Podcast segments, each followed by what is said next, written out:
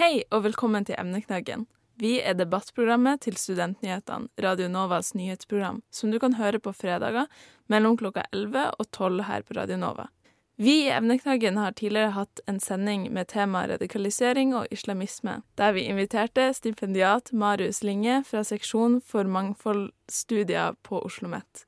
I dagens sending har vi om temaet ekstremisme. Med i studio i dag har vi Rune Elfsen, postdoktor ved Institutt for kriminologi og rettssosiologi på Universitetet i Oslo. Han jobber med forskningsprosjektet Radikalisering og motstand, som er finansiert av Norges forskningsråd. Emneknaggen pleier vanligvis å foregå live, men denne gangen er det forhåndsinnspilt. Vi beklager for dårlig lyd i begynnelsen. Det vil forbedre seg i løpet av sendinga. Kan du fortelle litt om det du har forsket på?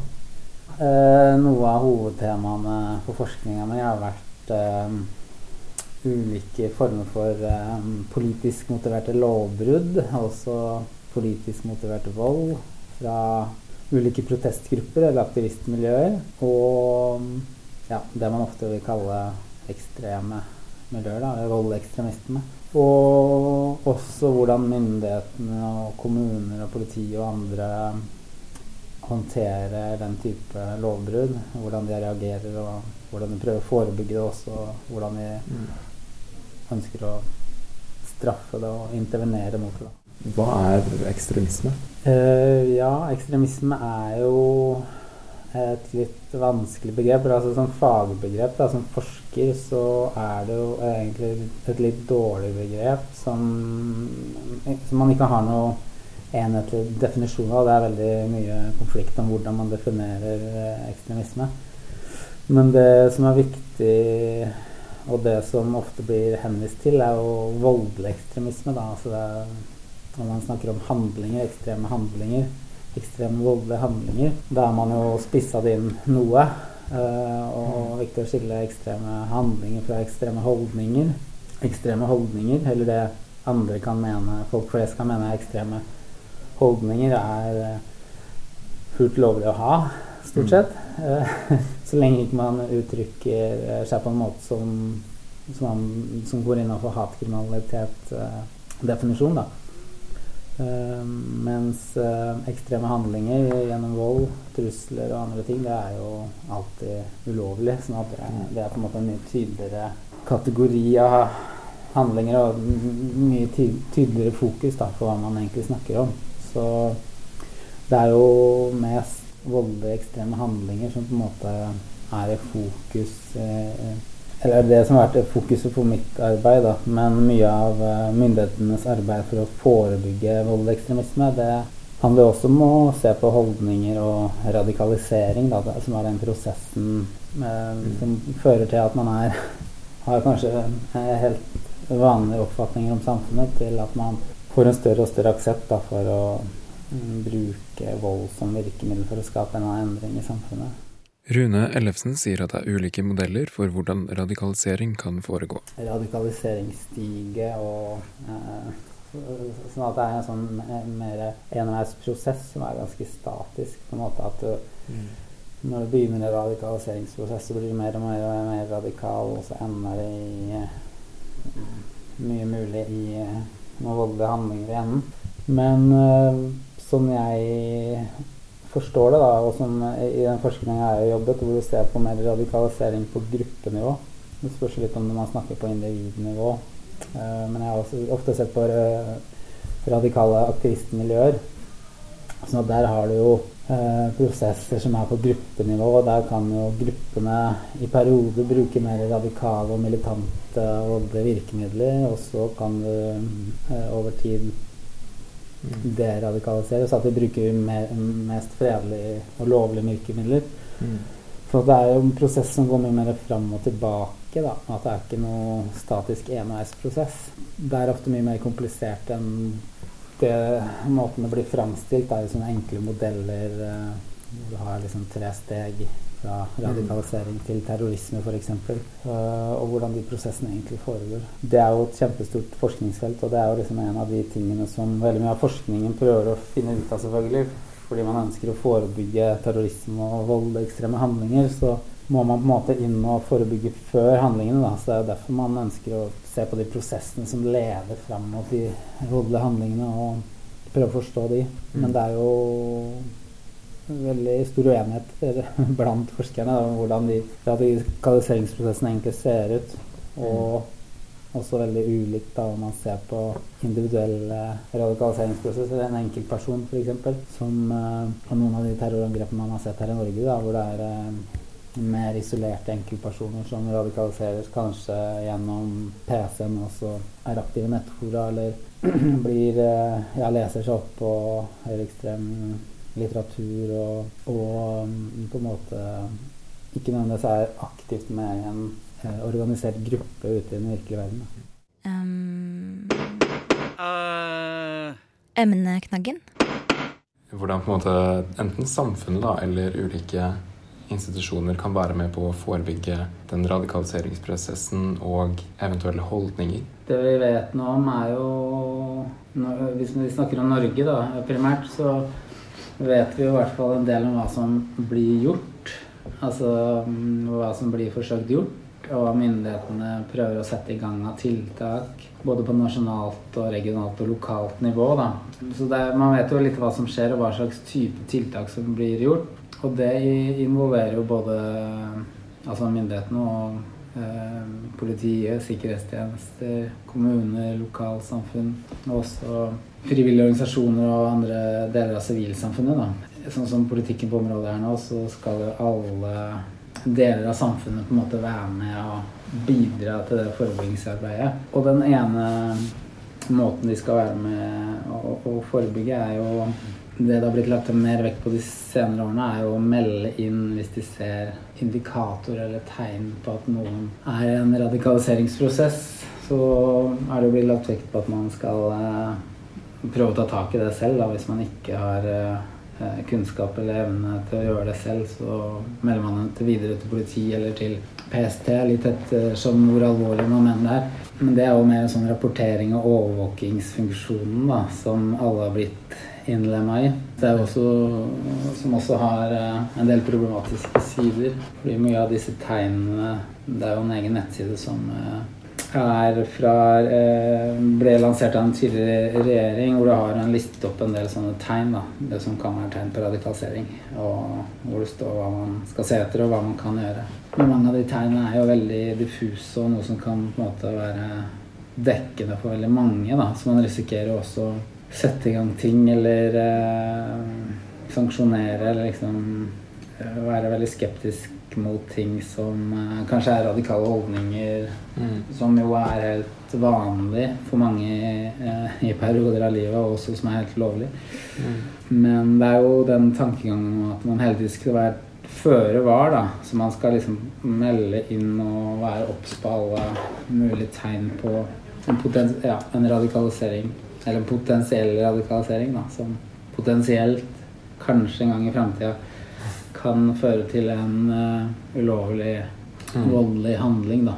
Så det er jo overvåkingsbiten. Men så er det jo andre mer positive tiltak som gjøres. Da. Altså, både av kommuner for å prøve å skape altså, sosiale tilbud eh, til lokalmiljøet, altså fritidsklubber eller andre fritidstilbud for at ungdom skal ha noen arena hvor de kan få utløp for interessene sine. Da. Som en, måte, motvekt til at de til utenforskap, eller at noen føler at de faller utenfor, eller at de begynner å gjøre ting som ikke nødvendigvis er bra.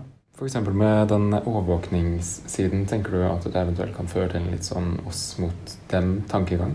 Uh, at det, det hvert fall med noe av konsekvensen av det, tenker jeg, kan jo være at uh, man får mindre aksept. Eller altså Det påvirker på en måte hvor uh, akseptert det er å ytre liksom, radikale og veldig annerledes synspunkter da, på politikk og på samfunn og om religion og, hva det måtte være.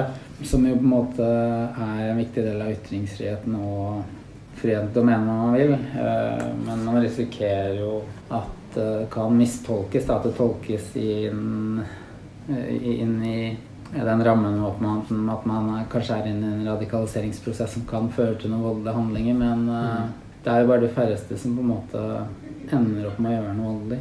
Mm. Så ja, jeg tror det kan påvirke rommet for å ytre seg om mer uvanlige og radikale meninger og synspunkter og ting som bryter med normene. Det, at det kan bli påvirka, uh, det tenker jeg er helt klart. Da. Men uh, det er også noe som skifter over tid. Da.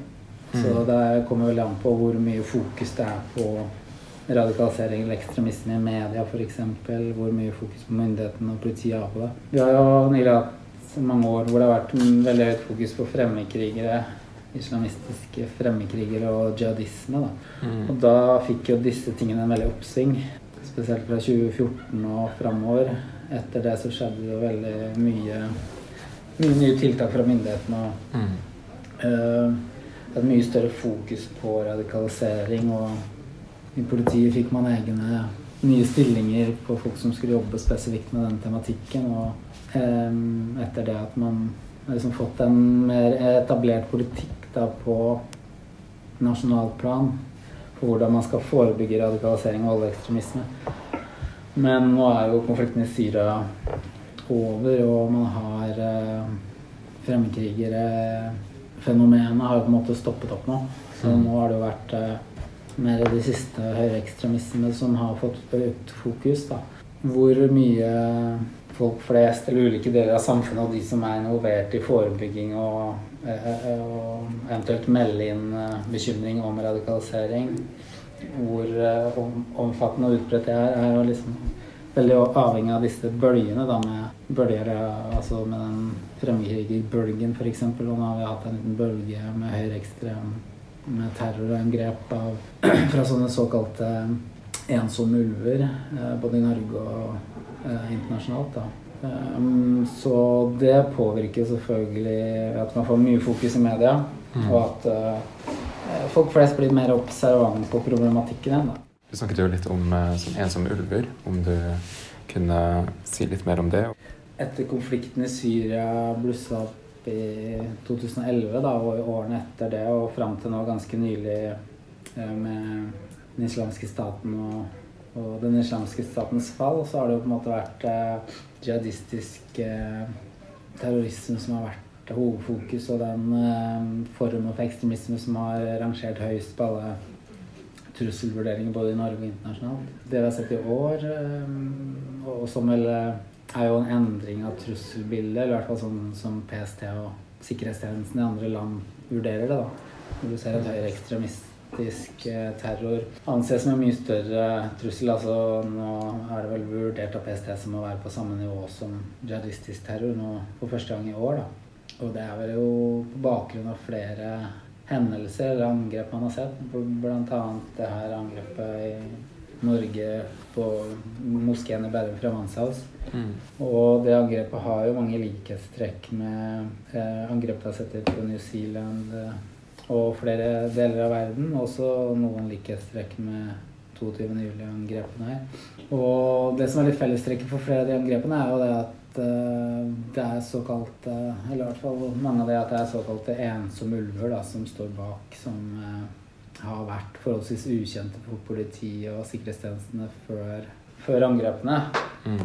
Eh, som også har gjort at de har kunnet operere forholdsvis uforstyrra og gått under radaren. på en måte. Og noe av grunnen til det er jo at de ikke nødvendigvis har vært en del av aktive, ekstreme miljøer som er mer synlige i gatebildet, eller som er uh, ute og demonstrerer eller organiserer seg mer i den virkelige verden men kanskje vært mer aktiv online og knyttet kontakter og hente inspirasjon fra andre.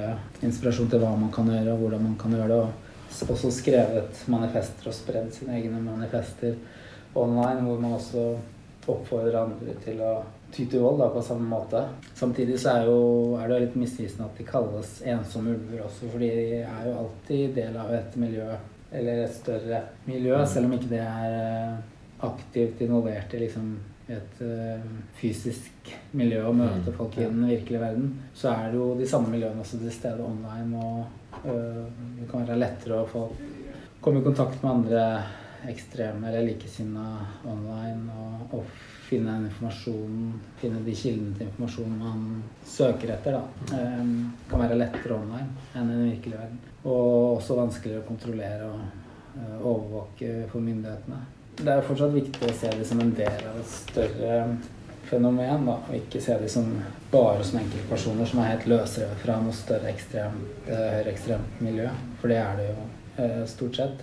Det ene forskningsprosjektet fra Sverige som jeg har vært med på, har jo handlet om å prøve å se på noen av konsekvensene av disse ulike tiltakene som myndighetene setter i verk for å håndtere det de mener er voldelig ekstreme miljøer, da, eller miljøer som støtter eh, vold som virkemiddel for å få til en annen endring i samfunnet. Eh, så det prosjektet i Sverige så har vi sett på venstreradikale grupper. Og spesielt fire grupper da, som er pekt ut av myndighetene som voldsbejakende ekstremister, som de kaller det på svensk. da. Mm. Altså at det er miljøer som er en uh, støtter eller bruker uh, vold som virkemiddel da, i mm. sitt uh, virke eller sin aktivisme. så det vi gjør i det prosjektet, er jo både å kartlegge litt hva disse gruppene har gjort, gjort. Se på ulike typer aksjoner det er gjort, og telle opp en sånn uh, protest event-analyse. At man teller opp hvor mange lovlige aksjoner har de gjort, hvor mange uh, ulovlige aksjoner har de gjort, hvor mange av de ulovlige er voldelige. At man går gjennom deres egen rapportering av alt de har gjort, og på en måte får en mer sånn kvantitativt overblikk da, over uh, hva slags aksjoner de egentlig gjør. Da ser man jo at alle de gruppene her gjør jo også masse lovlige type aksjoner, men uh, noen av de i hvert fall gjør også mye ulovlige og også voldelige mm. uh, aksjoner. da, Mye i forhold til å konfrontere høyreekstremister, bl.a. Mm. Mye av bruken av vold handler om antifascistisk aktivisme, da, hvor, det, hvor de retter vold mot høyreekstremister. Mm. Uh, fysisk mot uh, individer, eller uh, også mye mot eiendom. da. Eiendommen mm. til de som er, de mener er høyreekstremister. Så mm, det er den ene tingen vi har gjort, og da får man jo ser man at noen av de som er pekt ut, i hvert fall to av de, er jo, har jo egentlig så godt som ikke noe registrert voldsbruk. Mens to organisasjoner er veldig tydelig voldelige. Mm. Så det er eh, litt flytende hva Det er litt uklart da, noen ganger hva som må til for at en gruppe skal kalles voldsbejakende ekstremister. Da, I forhold til når du ser at også de som ikke bruker så mye vold, kan bli kalt det. Selv om de er helt klare på at de også bryter loven eh, noen ganger. At de kan gjøre ulovlige aksjoner, så er det lite vold da blant to av de gruppene. i hvert fall. Vi har vært interessert i da hva konsekvensene er da av disse av det de har blitt utpekt som voldsbejakende ekstremister. Disse fire gruppene som er utpekt. Da. Mm. Og da har vi intervjuet uh, litt over 30 aktivister da, fra de miljøene som er utpekt. Og spurte hva de syns om det at de har blitt utpekt, og hvordan det har påvirka dem da, rent praktisk som organisasjon eller gruppe, og også sånn på personlig plan. Da. Om mm. det endrer deres aktivisme, eller hvordan de engasjerer seg i gruppen, eller hvordan de gjør aktivisme. Uh, og da ser man jo at en del av de For en del av de har det den effekten at de blir mer skeptiske til å i hvert fall si offentlig at de er med i disse fire gruppene. Noen prøver å konfrontere, gå ut i offentligheten og argumentere for at de ikke er voldelige ekstremister, for de bruker ikke vold. Uh, og, så de tar en mer offentlig rolle da, for å prøve å forsvare det de gjør. Mm. Og ser det å bli stemplet som ekstremister, ekstremister som noe veldig negativt og som urettferdig. Det er jo de da som bruker mye, veldig lite vold, eller nesten ja. ikke noe vold. Mens de som er mest, bruker mest vold fra før og er mest militante, for dem så ser vi jo på en måte en veldig annerledes reaksjon. For mange av de er jo det å bli på det stempelet er jo mer som en honnør. At de ser det som en fjerde i hatten. og øh, det er på en måte en bekreftelse på at de er en trussel da, på en eller annen måte, som en del av de også ønsker å være. Mm. Eller blir oppfatta som, i hvert fall. Sånn at på de gruppene så har det jo en litt annen effekt, eh, i hvert fall ut fra det de i intervjuet sier, da, at det mer bidrar til eh, å eh, veldig ofte til å bekrefte, bekrefte dem da, og gi dem en slags aura, aura av en radikal aura. da. Det bekrefter på en måte den mm. identiteten de har. og kan kanskje bidra til at de blir eh, også enda mer radikale, fordi de ofte samtidig også blir mer isolert fra de andre gruppene, mm. som kanskje ikke bruker så mye vold. Men det er jo en større bevegelse, eller altså større miljø, da. Men de gruppene, siden de blir stemplet, så gjør det også at de blir mer isolert fra andre. Og den kombinasjonen av å bli isolert med at man føler seg bekrefta gjennom å bli stempla, det kan være en ganske dårlig kombinasjon som kan bidra til, heller til økt radikalisering. Og at de isolerer seg enda mer og blir, eh, ja, blir et mindre miljø. Noe av min interesse i flere av de forskningsprosjektene jeg har jobba med, har jo vært litt av dette her med konsekvensen av de tiltakene man setter i verk da, Mm. mot, for å forebygge eller stoppe ekstremisme. Fordi det er noe det er ganske mangel på. Det er jo masse forskning på hva som gjøres og bør gjøres, men det er ikke så mye solid forskning, uavhengig forskning på hva konsekvensen egentlig er av alle disse tiltakene. Mm. Og det er jo kjent at en del tiltak kan jo virke mot sin hensikt. Noen tiltak virker bra. Og sånn som i dette tilfellet så ser man at noe For noen virker det litt etter hensikten, mens for andre, de kanskje mest militante som man helst ville påvirke, for dem virker det kanskje stikk motsatt. Um, Eh, emneknaggen. Mye som man bør se kritisk på, da, tenker jeg, i forhold til hvordan man eh, jobber når man skal forebygge radikalisering og voldelig ekstremisme. Noe, Mye av tiltakene kan ha bivirkninger eller uønska konsekvenser, eh, enten ved å påvirke liksom ytringsfriheten ved at man, blir, man kan bli redd for å ytre radikale holdninger fordi man kan bli mistenkt for å være ekstremist, eller få ekstremiststempelet på seg enkelt, mye lettere da, enn kanskje for ti år siden. Det er jo én ting. Men, eh, og det er mange andre ting òg som eh, blir påpekt i forskningen. Men eh, en annen ting som er jo i utgangspunktet positiv, det er jo at man har en endring i løpet av de siste ti årene, og, hvor det tidligere hovedsakelig har vært politi og sikkerhetstjenestene som har eh, hatt ansvaret for å håndtere voldelig ekstremisme, så blir det jo nå også inkludert en eh, masse andre aktører, da, lokalsamfunn og eh, sivilsamfunnet, som jo kan gjøre helt andre typer tiltak som er mindre inngripende og mindre negative for de de det gjelder, da. Mm. Som eh, kanskje i større grad er mer eh, sosiale tiltak som kan bidra til å hjelpe de på en annen måte enn det straff og Mm. mm, de verktøyene politiet og domstolene har. Da. Så det er på en måte en større eh, variasjon, eller et større repertoar av type tiltak da, som kan brukes, som, Mm.